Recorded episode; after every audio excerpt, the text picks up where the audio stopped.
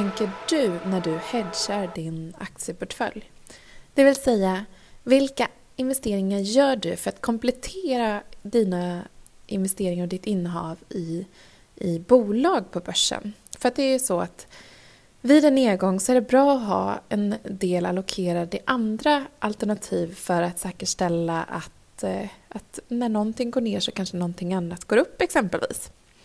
Du kan ju investera i råvaror som ett alternativ eller du kan investera i räntefonder som ett annat och det kommer vi prata lite mer om i dagens avsnitt med Lysa.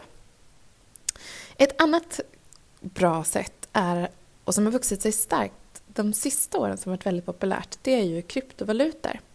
Och här så har veckans partner precis lanserat en kryptoportfölj som du kan investera i genom Avanza eller Nordnet eller där du har eh, din aktieportfölj. Det vill säga du behöver inte starta ett, ett eh, konto på en kryptobörs utan du kan investera i det här tracker-certifikatet som följer de fem största kryptovalutorna. Och vad innebär det då? Jo, det innebär att det finns en viss likviditet och en viss stabilitet i de här valutorna mot, mot i och med att det finns ett så stort eh, utbud av kryptovalutor så har de valt att, att eh, investera i, i de, eh, de allra största. Och det här gör att du kan få exponering mot kryptovalutor och följa utvecklingen där som ett komplement till din aktieportfölj. Och ett tracker-certifikat det är fördelaktigt precis på det här sättet när tillgången är lite komplicerad att äga direkt. Tack till Von Tobel för att ni är med som partner i Feminvest-podden. Mikaela Berglund heter jag och nu drar vi igång veckans avsnitt med Ingrid Lindqvist på Lysa.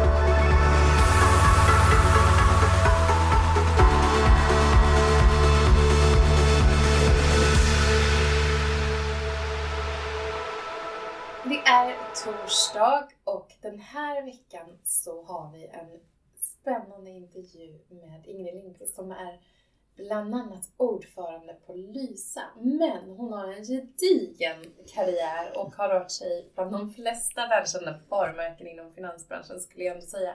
Visste du exempelvis att det var hon som tog fram Avanzas indexfond eh, som så många eh, investerat i genom åren. Du har varit en, eller haft en näsa och verkligen hittat fram produkter som har varit eh, attraktiva och som har, eh, som har tagits emot väl hos investeraren. Och det tror jag är säkert, eller förmodligen kopplat till att du, du vill väl för kunden eller investeraren och samtidigt göra affärer, tänker jag. Mm. varmt välkommen till 5S-podden! Tack så hemskt mycket, jätteroligt att vara här.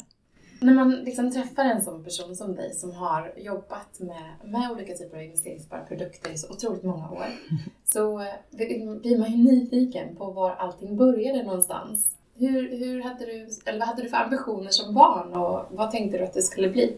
Oj, ja, som barn så jag, jag tänkte nog inte inte riktigt en ekonomutbildning som det blev sen i slutändan. Utan, men jag har alltid tyckt om siffror. Det, det är ganska grundläggande. Men jag ville faktiskt eh, bli eh, gymnastiklärare och gå på GH eh, när jag var liten. Jag höll på med gymnastik hela min uppväxt och det var jätteroligt. Samtidigt som jag, jag gillade ju skolan och jag gillade, ja, det gick ganska bra att plugga. Så det, det kom nog senare faktiskt detta när man skulle helt plötsligt bestämma sig.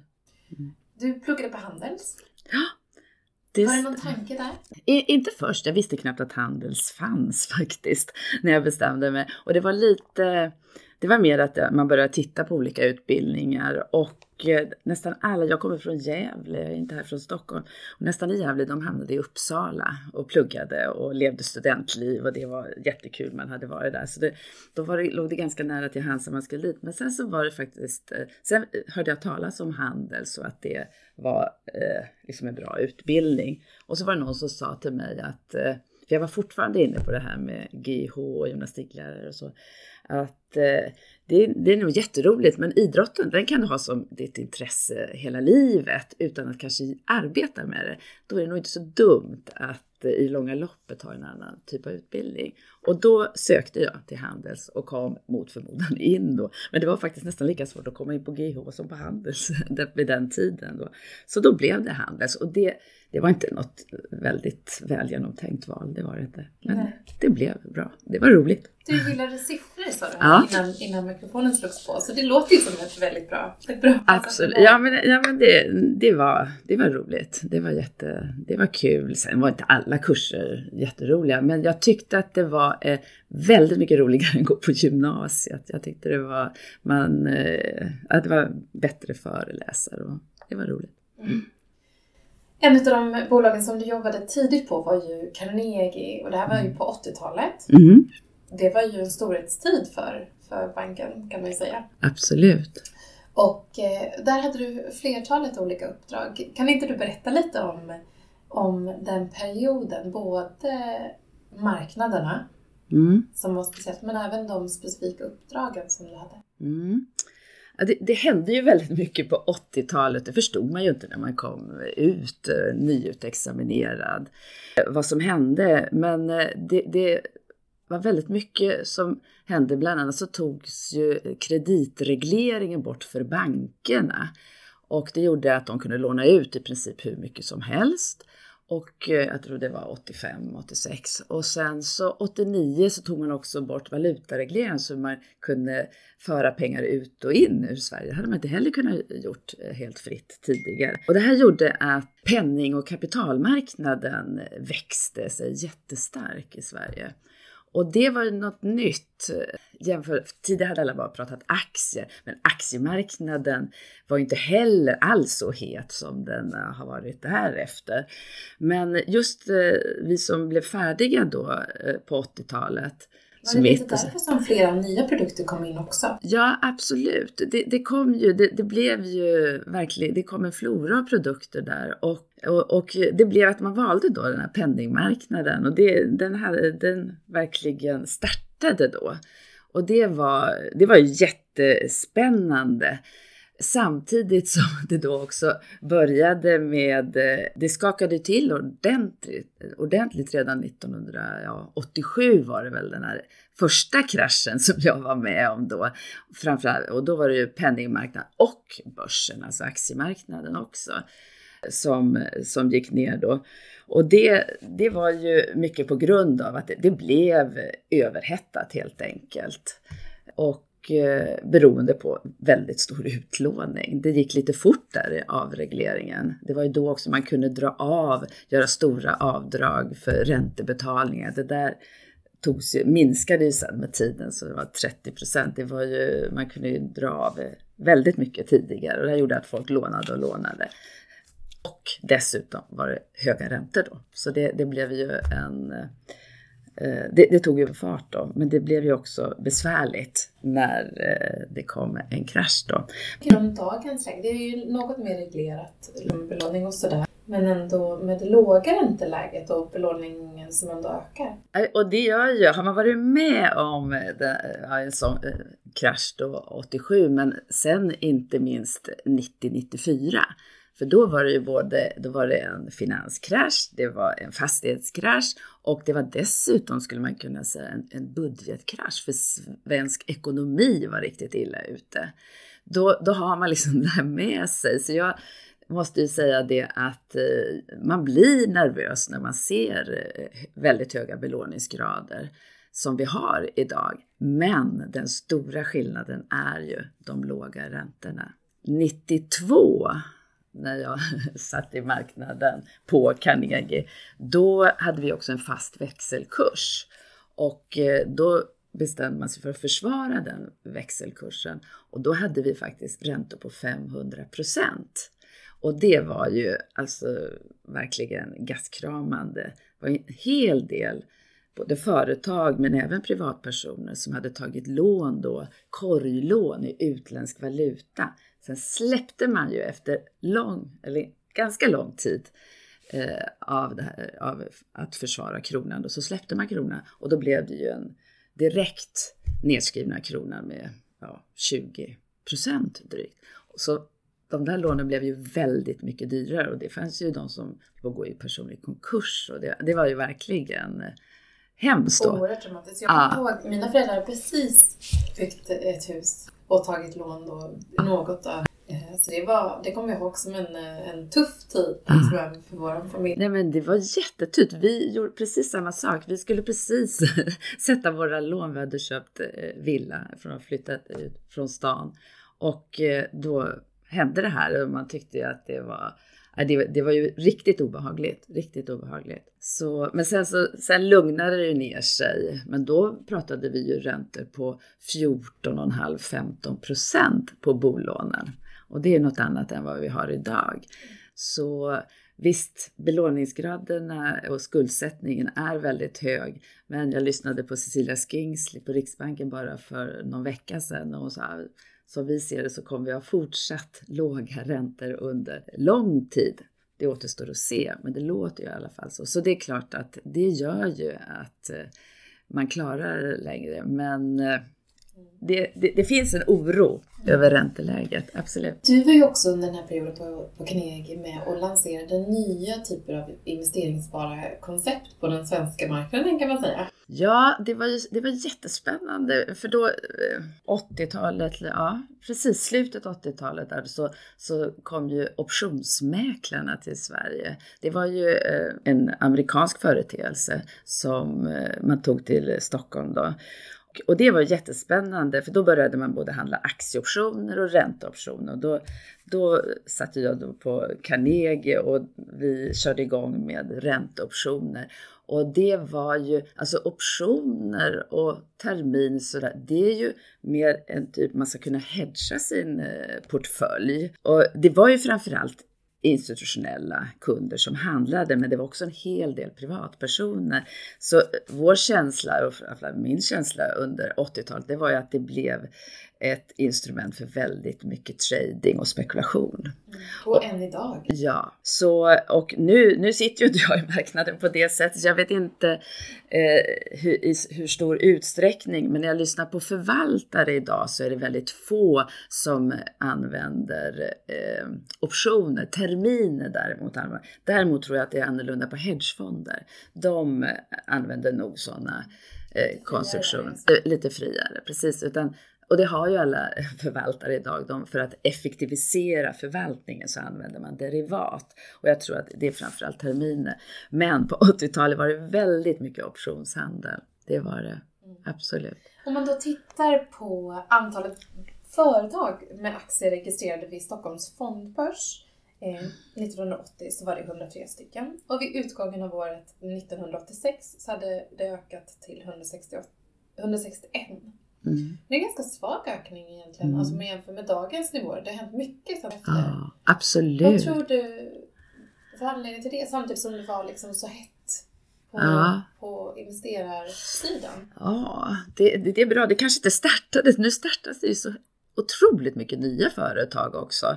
Så, men eh, jag vet ju att det, det tog ju fart, så det var ju väldigt mycket den här många, framförallt då, de stora var ju Carnegie och Alfred Berg på den tiden. Det var ju de som gjorde mycket, naturligtvis SE-banken och bankerna också. Men, men, och, ja, just, men, men Erik Penser ägde Carnegie på den tiden, innan den här kraschen 92. Så han, han var ju, han var också då på, eller han ägde Carnegie. Ja, sen så startade, det var, det var senare. Så, eh, sen vet jag att det tog fart och sen var det ju väldigt mycket emissioner. Men jag kan inte riktigt den här, jag kan inte aktiemarknaden på det sättet. Men det är klart det var eh, febril aktivitet som kom igång senare. Men det var ju inte, det var ju en helt manuell handel. Jag kommer ihåg jag var uppe på börsen där och, och eh, de sprang omkring med lappar och så. Det var ju, då var ju penningmarknaden var ju mer utvecklad, men det var i alla fall en telefonmarknad.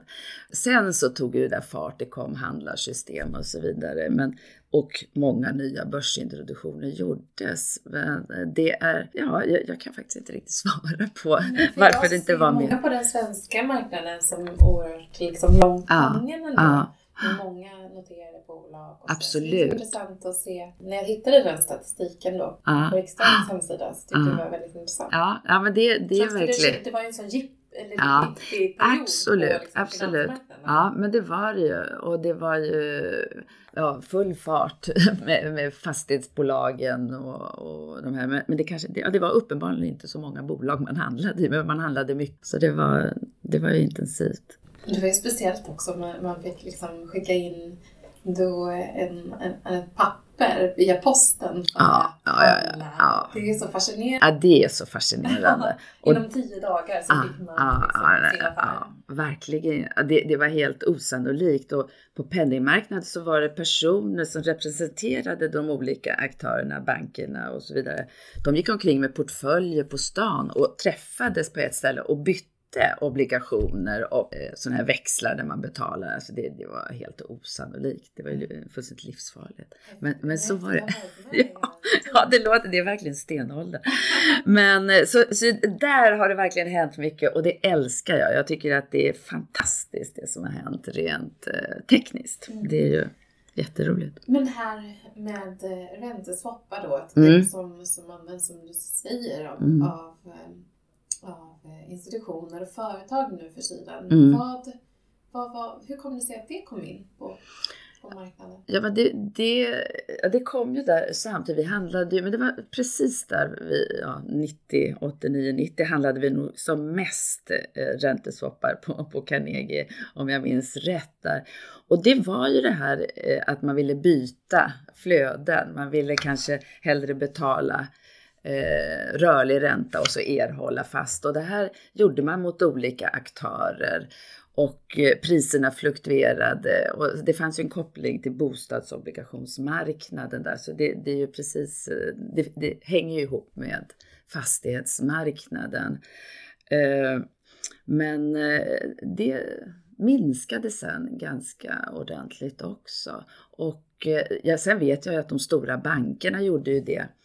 Det fick man ju kritik för 2008 i, i finanskraschen där att man låg och hade alldeles för kort eh, upplåning jämfört med de långa åtaganden man har. Det var ju det som drabbade bankerna. Så det har man ju reglerat nu och det, det tror jag Vad var väldigt säga? klokt. Ja, lite liknande WeWork, kritiken som WeWork har fått Ja. för, fast för, för uthyrning utav långa kontrakt. Ja, precis. Ja, ja. Och sen när då likviditeten i marknaden alltså försvann, att det var svårt att få låna upp, då hade man inte den där matchningen mot den långa skulden. Och det är ju förödande. För just det här med likviditeten i marknaden har ju ställt till det många gånger och det är ju, det är ingen som, som finns där, ingen som vill köpa din produkt. Och då, kan, då går det fort. Du har ju därefter rört dig egentligen från en mer aggressiv och mer riskfylld miljö Mm. på finansmarknaden till eh, fonder och sparande via Öhmans, jobbade på en period, Avanza. Hur kom det här sig? Nej, men det, det var nog en ga- ganska naturlig utveckling. Efter jag hade varit på Carnegie så var jag eh, ja, ett par år på en fransk bank.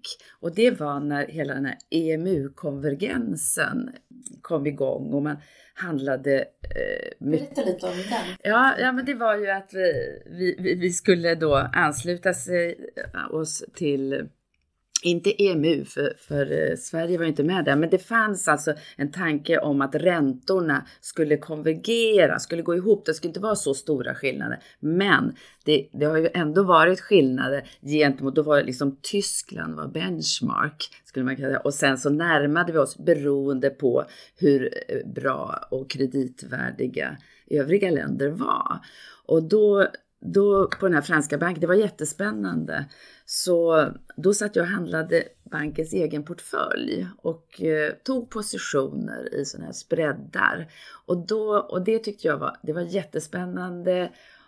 Det var svårt, men det var väldigt, jag, jag tyckte det var stimulerande och roligt. Och då föddes ju tanken på att man ville sätta sig lite på andra sidan och förvalta kapital, ta egna positioner. Och sen, sen fick jag en förfrågan från Öman om jag var intresserad att komma över och förvalta ränteportföljer då. Så jag har ju hela tiden jobbat med räntor. Då fanns det ju några räntor, idag finns det ju knappt om man inte går in på krediter då. Men eh, så det, det var en naturlig utveckling då att eh, ja, byta sida så att säga. Och det tyckte jag, det är jättespännande och jätteroligt. Och då på Öman kom man också mer in på allokering, alltså hur, hur man skulle ha, hur mycket i aktier och hur mycket i räntor i eh, olika eh, uppdrag. Och, alltså kunder hade ju olika önskemål här och hur man skulle då placera tillgångarna i aktier respektive räntor. Vilket det handlar väldigt mycket om idag också, mm beroende på vilken risktolerans man har.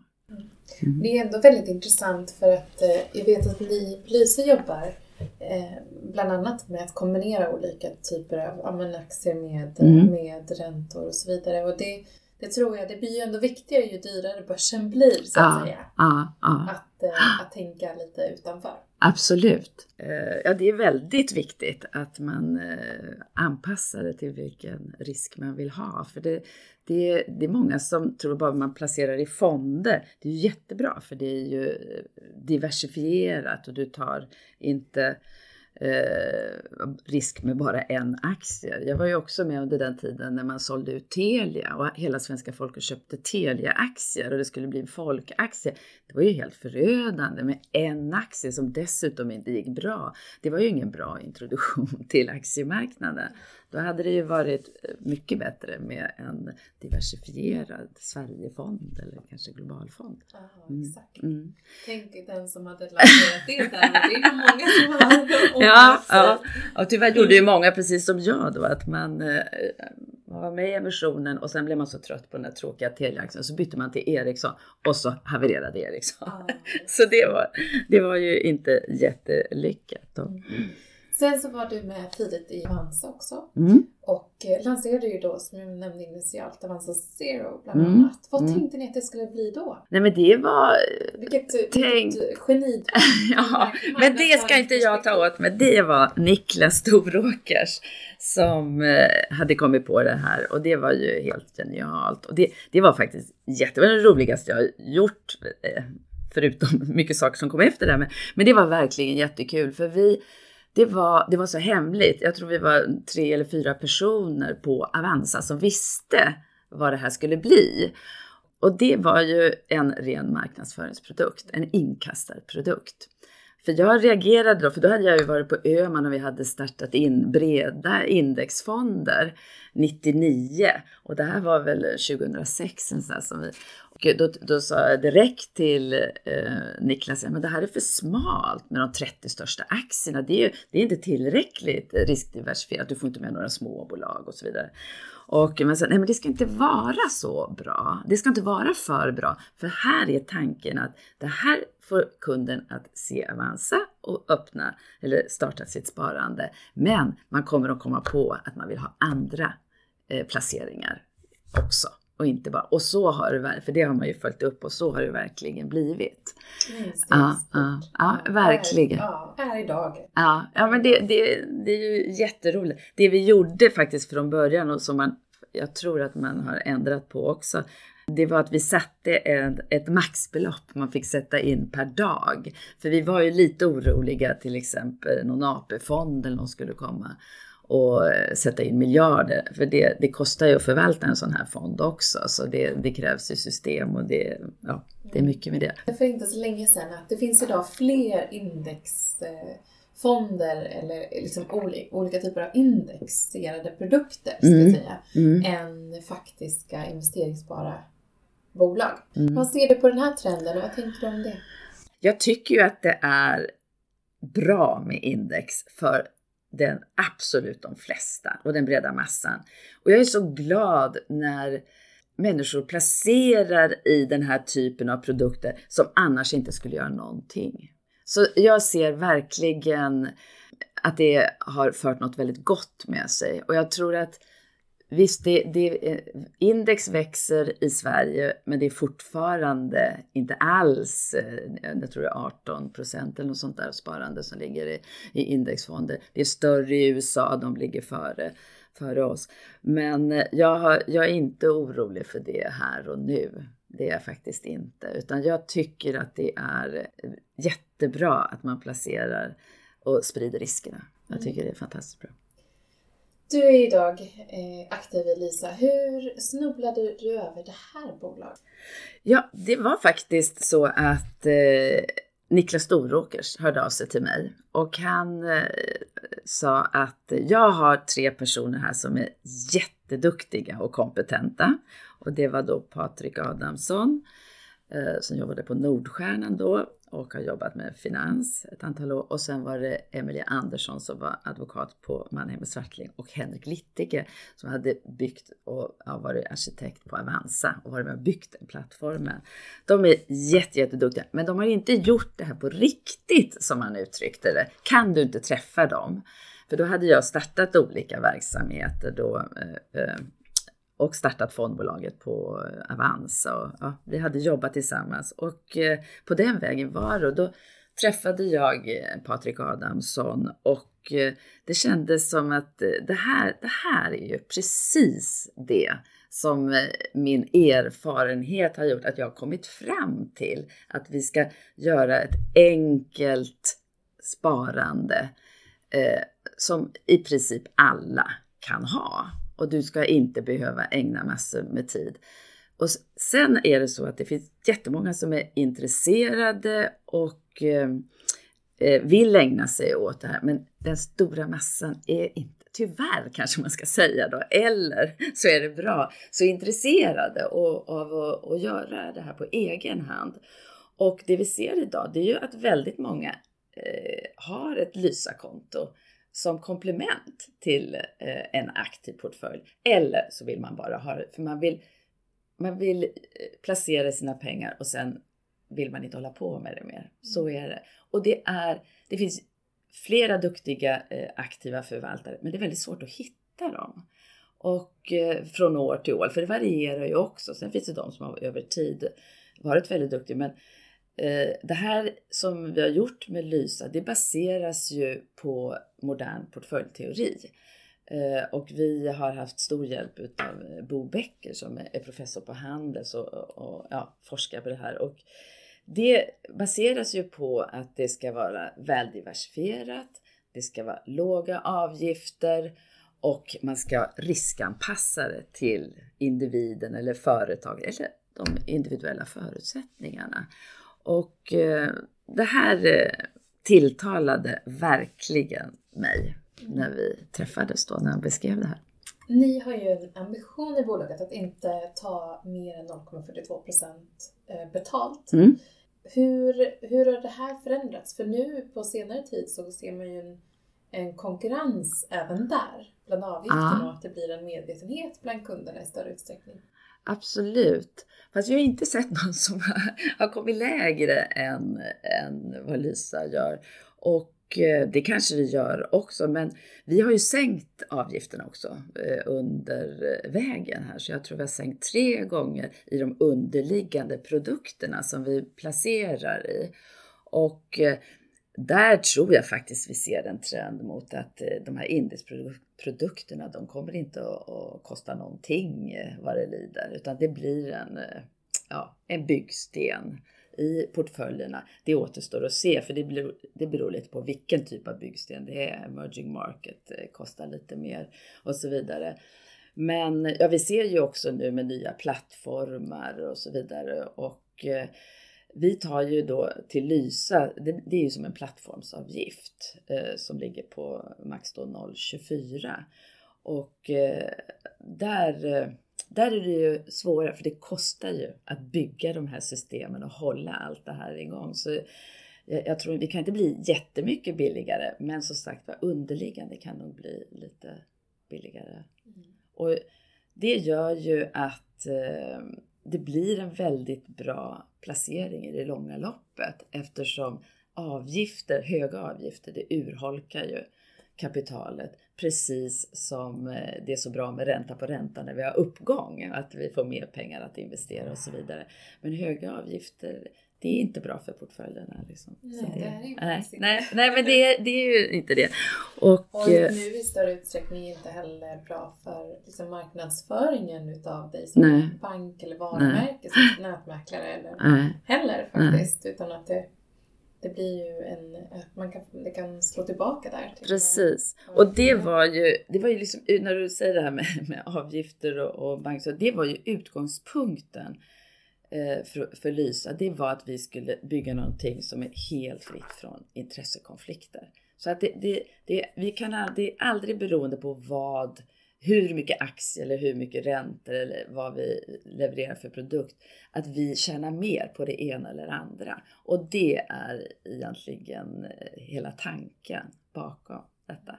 Eftersom det är lätt att hitta ganska många aktörer som säljer det man tjänar mest på. Mm. Mm. Det här är ju möjliggjort, eller möjliggörs med, med hjälp av robotar. Mm. Eh, hur ser du på den typen av liksom, framtiden för robotar och och jag mm. vet till exempel att det finns en del som just försöker att nyttja det att robotarna snabbt reagerar på ett coronavirus då, mm. som ett mm. exempel. Och ja. man då kan, kan eh, köpa in sig lite billigare och gå emot, investera mm. emot liksom, majoriteten av marknaden. Mm. Robotarna mm. dominerar i större utsträckning. Det, det, är faktiskt så att på Lysa, alltså, vi, vi vänder oss lite mot det där med, med robot. För vi tycker att vi är inte någon robot på det sättet.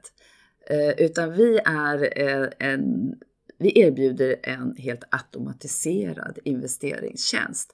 Och det som görs av systemet, det är ju allt det här som man tidig, tidigare gjorde manuellt och med, med, med papper och så vidare. Hela onboardingprocessen är digital. Frågebatteriet för att komma fram till en rekommendation. Allt det här är digitalt. Däremot så våra investeringar för att eh, replikera då världsindex och ha en riktigt bra ränteportfölj att balansera med. Det är eh, förvaltare och vi har ett investeringsråd som tar fram och det handlar om de bästa och billigaste produkterna. Så det, där har vi in, det är inte systemet som, som letar eller känner av att marknaden går åt det ena eller andra hållet och tycker. Vi tycker i princip ingenting. Och det är ju också någonting, och det kan jag säga eftersom man har varit så himla länge i den här marknaden, att försöka tajma marknaden, det är, skulle jag vilja säga, omöjligt. Då, då är det nästan mer tur än skicklighet. Sen finns det, utan de bästa placeringarna är ju när man håller kvar över tiden, att det här långsiktiga, det är ett maratonlopp. Mm. Att, att uh, placera. Lite investmentbolags... Ja. Ja, filosofi, ja. Liksom, långsiktighet. Långsiktighet, att mm. inte försöka eh, tajma. Men däremot så ska du ha en risk. Om du inte sover bra, då kanske du inte ska ha 100% aktier, utan då, då ska du ha lite räntor också så det inte blir de här väldigt stora svängningarna. För det är jobbigt att eh, när man ser att börsen går ner och värdet minskar. Men det är också det som är så bra och där kommer ytterligare ett steg i automatiseringen på Lysa in. Det är ju att man rebalanserar portföljen. Så om det går upp och du, du kanske har kommit fram och fått ett förslag att du ska ha 70% aktier och 30% räntor. Det motsvarar din, vi frågar, ställer frågor, din riskbenägenhet, risktolerans. Och så, och så går det upp jättemycket under, vi har, där, fin, där finns det ju inbyggt i systemet x antal dagar, x antal procent. Då har du helt plötsligt eh, 75 procent aktier och det är ju inte riktigt, det är lite för mycket. Då känner systemet av det och så säljer man av och går tillbaks till 70-30. Och likadant om det går ner så att du har mindre än dina 70 procent, då köper vi mer aktier och säljer av räntor. Så att du bibehåller den här eh, risknivån som du har. Och det är väldigt svårt att göra psykologiskt. Mm. Det vet man ju. Åh, nu går det så bra. Nej, men då ska jag ju inte sälja. Och så, nej, varför sålde jag inte när det går ner? Och när det är där nere, men gud, varför har jag kvar? Och, så, och vi, det kan vi verkligen se att det finns fortfarande, du kan göra precis vad du vill, dina pengar är inte inlåsta eller någonting, utan du kan ändra fördelning och så vidare. Men när man gör så hamnar man ofta fel. Då säljer du där nere på botten och du köper mer för att du stressar för att du inte har varit med. Så den här psykologin är väldigt svår att hantera och där är det väldigt skönt med ett system som tar hand om det. Mm. För den som inte tycker att det är roligt att sitta, det finns jättemånga som också sitter och tradar varje dag. Jag tror att det är väldigt svårt att lyckas mm. i det. Och det visar ju statistik. Jag läste någonstans att 90% räknar man av de som försöker trada lyckas mm, inte mm. med det. Mm. Så... Oj, så många. Ja, nej, nej, men jag tror att det är väl, eller jag vet att det är jättesvårt. Ja. Det är jättesvårt. Men om man då kollar framåt med ambitionen för Lysa och vad kommer ni vara om 5-10 år? Ja, det, det är svårt att säga. Det vi tror ju, vi har ju det går ju fantastiskt bra. Det är jätteroligt. Eh, jag såg, det tog 18 månader för oss att få vår första miljard i förvaltat kapital. Och nu har vi senaste månaden fått in en miljard på en månad. Så nu är vi uppe i nästan 5 miljarder i förvaltat kapital. Och eh, jag tror vi har 34 000 betalande kunder. Vi räknar bara de som verkligen kommer in och sätter in pengar då. För jag tycker, och det är ju jag kunde inte drömma om att det skulle gå så fort, för vi har inte heller lagt några stora pengar på marknadsföring, utan det är just detta att eh, man pratar med sina vänner och talar om att det här är bra, det här har jag förtroende. Och kapitalförvaltning är verkligen en förtroendebransch och det är ju bästa reklamen för oss, att det är någon annan som säger att vi är bra. Så det, det är fantastiskt det är klart att vi, vi har eh, tankar om hur vi ska gå vidare och vi eh, ska titta på andra marknader och så vidare. Men vi får inte tappa fokus och vi måste hela tiden utveckla och hänga med tekniskt. Men eh, vi, vi har väldigt stora förhoppningar om att kunna växa eh, ordentligt, för det behöver vi göra med de låga avgifterna för att eh, eh, tjäna pengar. Och eh, det som är fördelen med det sätt som vi har byggt Lysa, och som vi, det är att det är så skalbart. Det är ju ett eh, fantastiskt system som eh, vi har och vi vill också äga hela infrastrukturen. Så vi, vi, vi försöker göra allting själva. Och det det sparar man också pengar på om man har kontroll och då kan man skala upp det. Mm. Initialt så, så presenterade jag ju dig som en som liksom vill bidra med att göra gott. Lite, ja. Ändå ja. någonting liksom filantropiskt. Eh, i kombination med det här med att göra affärer. Vad tänker du om det? Känner du igen dig eller? Nej men absolut, jag har, det har, jag har jobbat med, jag har jobbat bland annat med Action Aid och eh, varit, i, varit i Afrika och bott med kvinnor. Jag har gjort sådana saker också. Eh, och det, det är ju jättespännande det ger väldigt mycket tillfredsställelse att eh, få göra någonting annat än finans. För ibland så, det, var ju, det är ju tider som man har varit ganska trött på finansbranschen och man känner att det här blir inskränkt och så.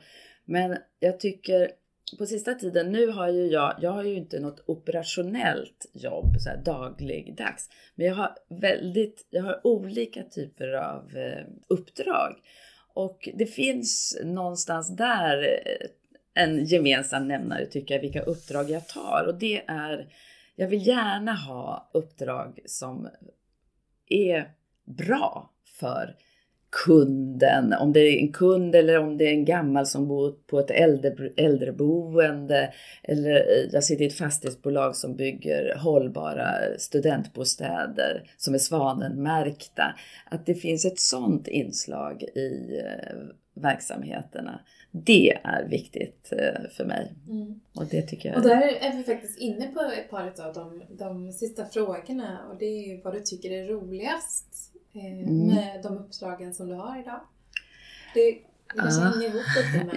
Ja men det gör just det här som jag är inne på. Att, det som du ja, som tycker bidrar med ja, också. att det ska vara bra. Men det är, alltså det roligaste och det bästa med det är engagerade människor. Ja, alltså att få jobba i ett sånt här startupbolag i min ålder, det är ju fantastiskt. De är, jätte, jätteduktiga, engagerade människor med enormt driv att också bygga liksom företaget. Och det är ju oerhört stimulerande. Det är jätteroligt. Och det tycker jag jag har i de andra uppdragen också. Det, det, där finns det en röd tråd. Att det, det, det är spännande med alla bra människor. Mm. Och vad drömmer du om framåt då?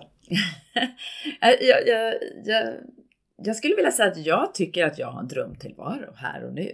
Så länge jag får hålla på med det här så är det fantastiskt roligt. Är, jag är glad varje dag när jag får eh, jobba med de här bolagen. Tusen tack Ingrid för att du var med i, i det här avsnittet. Så intressant att höra både om, om lite av den vilda västern som du upplevde under 80-talet eh, men också om, om de olika uppdragen som du har just nu. Mm. Tack så mycket för att jag fick komma hit.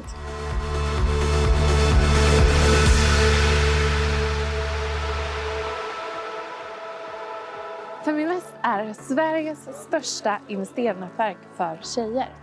Vi vill att allt fler ska våga äga och förvalta. Och hur gör vi då detta? Jo, vi vill inspirera, utbilda och utmana runt ägande, investeringar och entreprenörskap. Följ Feminvest på våra kanaler Facebook, Instagram, Youtube varje vecka så kommer vi även ut med en podd och du kan ju självklart även följa nyheterna som publiceras på feminvest.nu. Det är bara att söka på Feminvest på samtliga kanaler så hittar du till oss.